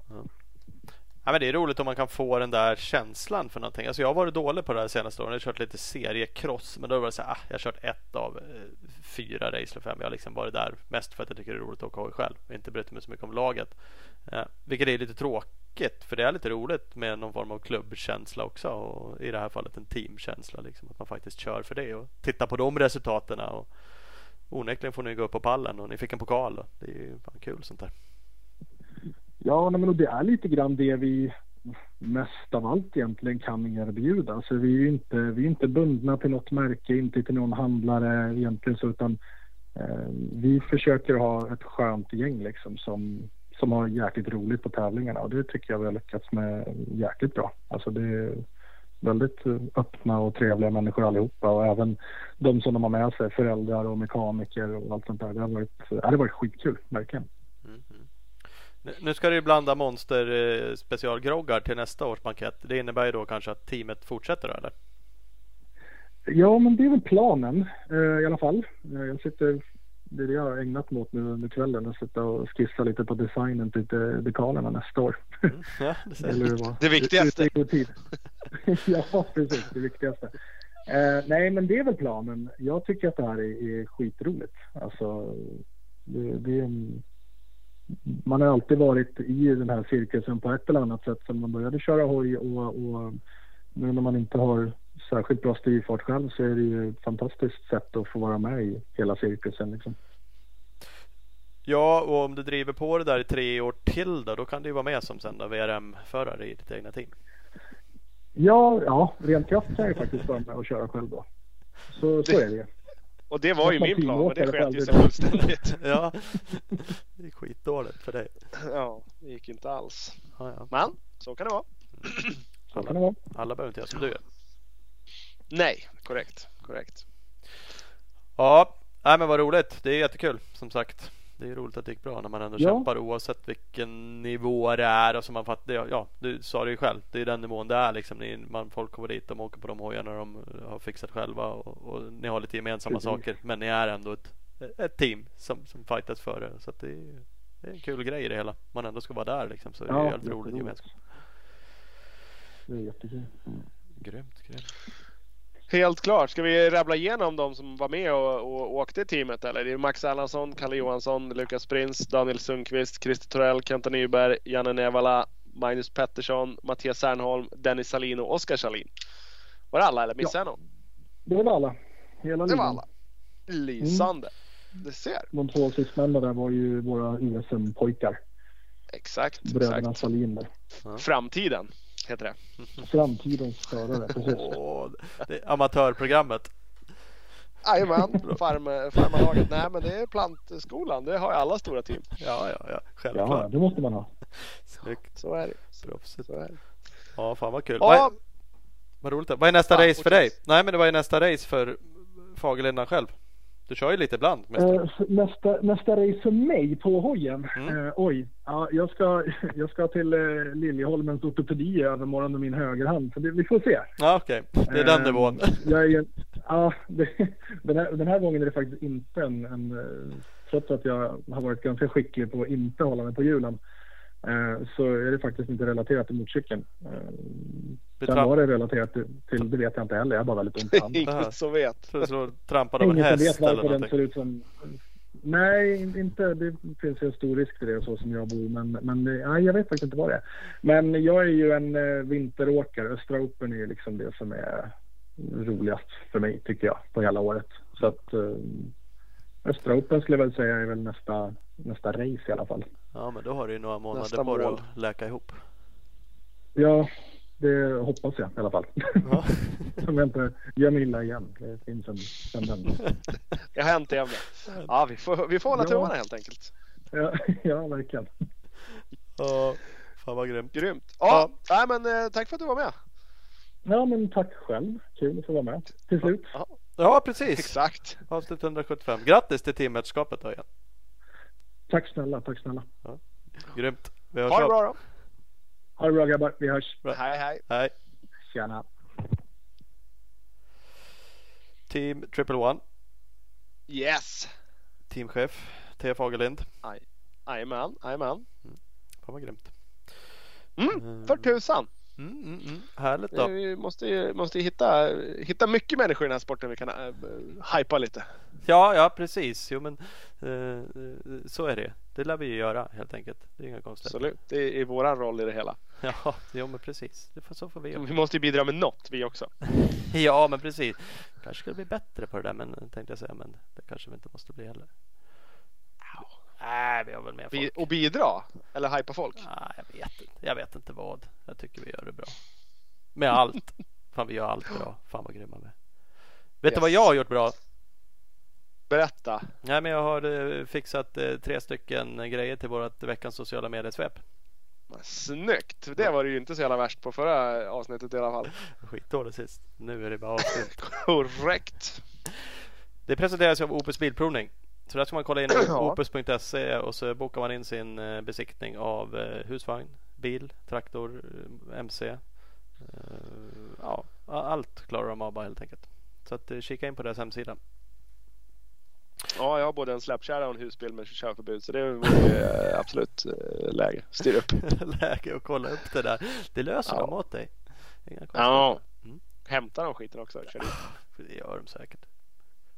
För fan. Ja. Ja. Ja, Nu bränn av dina tre här nu på en gång innan du hinner glömma bort dem. Ja, precis. Jag kanske ska göra det. Eh, Ja. Jag måste kolla vad det var jag hade. Tänkte jag säga. Nej, jag har en stil. Jag tror inte jag pratat om den här innan. Men det är många som känner till eh, James Bubba Stewart och även hans bror Malcolm. Eh, De har ju en hemsida som heter Stewart Fan Club. Eh, Den har ju förhållandevis mycket Jag är inte följare. säker på att de har det eller? Nej, men någon har gjort den Någon åt dem. har. Ja, de är väl... Ja. Bubba själv är väl Tillägnad dem. Tillägnad dem. Ja, det kan man Ja. säga. Den finns tillägnad dem. Yes, yes. Där lades det ut ett klipp idag, 12 oktober. Då. Det här klippet såg jag någon annanstans nyligen också. Men det här är ju onödigt jävla coolt. Det är Stewart som mosar förbi eh, Alessi tror jag. Eh, Ja, på en herrejösses scrub med Succa 450. Den är ju så jävla cool. Det är Mm. vansinnigt. Det blir så extra coolt när han liksom viker av sin linje och bara scrubbar bredvid Alessi. Mm. Mm -mm. Den ska man kolla på. Det finns ju Stewart Fan Club alltså på Instagram. Ja, det, det finns ju inte bara ett coolt klipp på den killen. Nej, det finns några till faktiskt. Sen har jag eh, tagit med, eh, det, det vet säkert du bättre, han filmar jättemycket från GP. En, spanjor. Mm, en, enduro, enduro GP, ja, jajamän. Eh, Jaume Soler. Kan man säga så? Jaume Soler, ja, Jaume något sånt. Soler. Jaume. Jaume Soler Movies har han en Instagram. Han lägger ut mycket Youtube-klipp från eh, enduro-GP'na. Det, roliga med det här, egentligen är det väl kanske det coolaste, Garcia. Han har vi haft med jättemycket. Det är, kan det vara från spanska mästerskapet där? Skitsamma. Mm, ja, ser ut. Det är en- reel i alla fall från 28 september på hans Instagram där de hoppar någon form av uppförstrappaktigt på en enduro. Det, det roliga med det här är att det är flera förare och man helt enkelt ser att det är ju inte så jävla lätt. Garcia är en av fem, dem som... fem pers och tre som bara tok-caseare. En uppförs, uppförstrappa. Eh, Sergio Navarro, Alejandro Navarro och eh, Paradello 69. De kommer inte upp. Nej men, men de, de De laddar ju friskt. Ja, det gör de ju absolut. Absolut. Eh, en viktig grej i det där är att det- Garcia åker ett eget spår och han har en eh, sin eh, VM-spotter är där och pekar med en pinne att eh, åker den här linen och så steker han upp den. Och sen Bertrou som kommer sist, han åker 500 då hoppar man upp allting bara spelar ingen roll. Nej för, för det är som du säger, de, de andra hoppar ju på högerkanten här och casear ju men det, det, han hoppar ju onekligen upp på högerkanten. Om man har 500 så gör man Mm. det ändå bara. Ja, om man har 500 får man göra som man vill. Då hoppar man där man där de andra inte kan. Men Garcia har ju, gör, ser ut att göra det enklast på sin vänster. Ja absolut, absolut. Han har en, en liten egen line. Han eh, håller med till vänster. Men är det, han eh, J-A-U-M-E Soler Movies ska man följa på Instagram för han eh, filmar jävligt mycket från enduro race överlag och är händig på att klippa ihop och sådär. Så att, eh, följer man det så får man se jäkligt mycket eh, coola enduroklipp. Man får, och man älskar ju det här där man bara kan sitta och jämföra. Man kan ju se ett sånt här klipp 200 gånger i rad bara för att säga vad fan varför hoppar inte han upp? För han kör ju precis på samma ställe. Och så bara, ah, lite där, lite så. Så det är ju så jävla Mm. kul. Älskar det. Eh, Absolut. sen måste jag med ett kraschklipp tydligen. Där det verkar vara mitt Mm, det gillar ju du. Eh, och här är väl, det är Ben Watson. eh, ben Watson MX på Instagram heter den. Klippet är från 27 september från lag-VM. Mm. Eh, och det, det, det jag kan tycka är roligt ibland det är att se även de bästa i världen. Han blir ju han vinner. Du gillar bara att hacka ner på folk? Nej men det är det jag inte gör. De är ju bara mänskliga. Det är det jag gillar. Han är ju liksom snabbast av alla då i MXGP-klassen på hela lag-VM. Och kraschen ser ju han ändå typ förhållandevis... tre och fyra heaterna? Ja, ja precis. Mm. Eh, Men, men det ser lite rookie-akt ut. Han åker in åt spår och bara börjar ut med benen och tappar balansen och vinglar ju helt enkelt omkull. Eh, Mm, absolut. Och, Landar är ju typ redan bredvid hojen. När hojen landar då står han på fötterna bredvid och har redan hoppat av. ja men han har ju det. Och, och, det är ju såklart inget lätt att köra där. Det är jättespåret och det är skitigt och jävligt. Så att, men det är ändå liksom. Ja. Han reser sig upp och kör. Han tror han var tre här och blev fyra i det här hitet. Så att det gick ju bra ändå. Mm, ja, precis. Jag tror om det var Koldenhoff som brände om han eller vem det var. Mm, jag tror det också. Men, eh, nej, men det är härligt ibland tycker jag att se att de är mänskliga. Trots Mm, mm. Sån är jag. Absolut. Mm. Ja, sen hade du en bonus eh, uppskriven här. Ja men den kan vi skita i. Den, den, jag, jag, den, det klippet har ju alla sett överallt. Vi kan ta den snabbt. Den Prado och Hurlings-kraschen i Mm. Tyskland va? På VM. Ja, Prado eh, Crossjumper Deluxe. Han är ju bara jävla värdelös. Det finns någon podd såg jag. Jag har inte lyssnat på den. MX Vice hade någon intervju men jag ska lyssna på den sen. Jag vet inte om du har gjort det. Men, men när jag Nej. ser det där bara. Jag tycker att han är värdelös. Han är, håller alltid på sådär. Ja. Och, överallt på banan. Och jag tycker att det är en sak att göra det Ja. på banan när alla har hjulen i backen. Men att hålla på och hoppa medvetet snett. Bara, har man ju lust Ja. att typ spöa honom för att han gör. ja. För Hatar han bakom som hoppar rakt har ju ingenting att sätta till när han bara helt plötsligt. Jaha, jaså du hoppade snett du. Ja, ja okej. Ja, nej, det gjorde inte jag. Vi hörs då. Nej men det är ju inte första gången. Så det, det är ju så här, jag kollar på det här klippet massa gånger och tänker man, ah, är det medvetet? Det inte? Men, men det är ju det liksom. Han är ju bara en jävla sopa tycker jag som gör sådär. Till- Tillräckligt medvetet i alla fall. Ja, så det är ju, ja, fy fan. Men ja, det gick ju bättre för Hurlings än för Prado i alla fall. För Prado har ju, har ju, körde inte då, körde han det sist? Bra. Ska, Eh, Ja, fan. är skitsamma. Ja, nej, det var, ja, Ja, nej, mm, så det det. har ni nog sett. Så det var, det var en bonus utan att, det finns överallt på internet. Mm, mm, mm, mm, mm. Yes. Ja, jag har också tre Instagram-klipp. Det är tydligen det vi jobbar mest med. Ja, det är enklast. Eh, du som är crossfarsa deluxe nu, jag ville bara... eh, det- det, här, det första klippet är sjukt coolt men när jag såg det, det här, och det är hyfsat gammalt, det är från den 16 september. Det första tanken var när jag såg det var att Oh shit fuck, det där kommer inte, det där kommer inte gå så länge. Det där kommer hypas sönder. Det är en eh, kille som heter Kelana Humphrey som är, vad sa vi, 13 år gammal Mm. som är med på Red Bull Imagination eh, 2. Den eh, banan de bygger upp så eh, filmar de en massa därifrån. Sjukt, sjukt coolt. Hur balla hopp och grejer som helst. Den filmen som kom därifrån förra året var ju magisk. Och nu så slänger de upp han på, eh, ja som sagt, 13 år gammal. Bara, "Ja, men dra det här, det är no problem. Det löser du. Ja. Och det gör han. Det går ju jättebra. Det är det första klippet. Det ligger på Dirt Bike Kids. Och det är liksom en ett herrejösses hopp. Mm. Det är inte jättemånga 13-åringar som skulle smält på det. Men eh, ja, hänger man med, med Twitch och alla och hela Red Bull-gänget så ja, då håller man bara ner. ja, tydligt det. Ja, det är sjukt. Ja. Ja. Det är helt sick. Och sen för två dagar sedan då kom det som jag tyvärr eh, väntade på. Då är han anmäld till en Best Whip-tävling Mm. ihop med Jared McNeil och, och några sådana här sinnessjuka whippare som hållit på och gjort whips sen Jesus gick, i- gick i shorts. Mm. Och den här killen är återigen 13 år gammal och hoppar ju åt helvete för långt. Ja, ota- otajmat det hoppet. Duktigt otajmat. Men eh, jag, jag kan tycka att fan, chill out. Man behöver inte smälla på sådana där grejer när man är 13 och inte har eh, rutinen liksom. Nej, man kan ju känna det. mest det som känns som att det gör och oh, fuck.